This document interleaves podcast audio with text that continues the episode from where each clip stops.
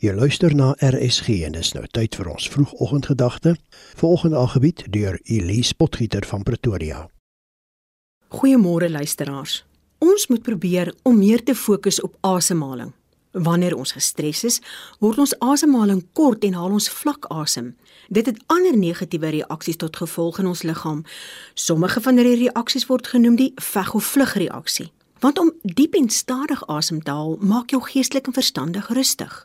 Maar vanoggend wil ons stil staan by geestelike asemhaling. Wat is geestelike asemhaling? Geestelike inaseming is die inneem van God ons Vader se naam as ware. Dit is om onder andere God se liefde, genade, guns, seën, barmhartigheid, vrede en vreugde net om 'n paar te noem. Geestelike uitaseming is die uitblaas van gedagtes, woorde en dade wat nie tot eer en uitbreiding van God se koninkryk is nie, met ander woorde, sondes. En geestelike uitaseming is in ander woorde belydenis van ons sondes. Deur geestelik vars lug in te asem, vra ons die Heilige Gees om weer beheer te neem van ons geestelike lewe. Ons vertrou op God dat hy ons sal invul en volmaak met sy Heilige Gees. Nou ons gee nie gewoonlik aandag aan ons fisiese asemhaling nie. Inteendeel, ons neem dit gewoonlik as vanselfsprekend aan.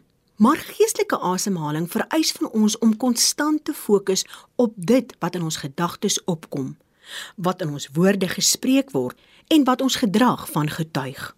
Ons moet daarop fokus om nie traag te wees om ons sondes te bely nie geestelike uitaseming, geestelike uitaseming is om met God saam te stem dat die gedagte wat ons gehad het, die woorde wat ons gespreek het, die dade wat ons gedoen het, nie tot eer en uitbreiding van sy koninkryk was nie en ons geestelike lewe verswak.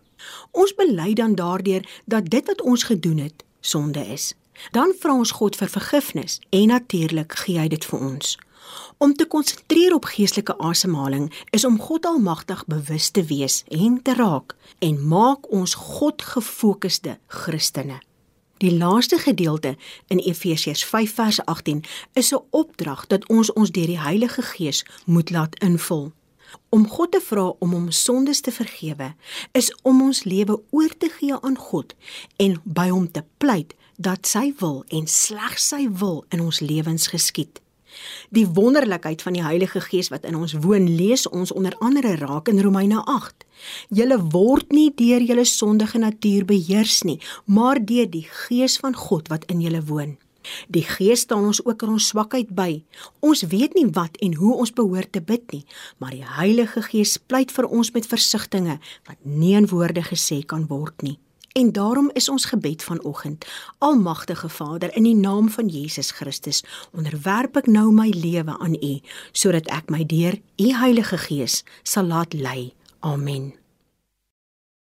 Die vroegoggendgedagte hier op RSG is aangebied deur Elise Potgieter van Pretoria.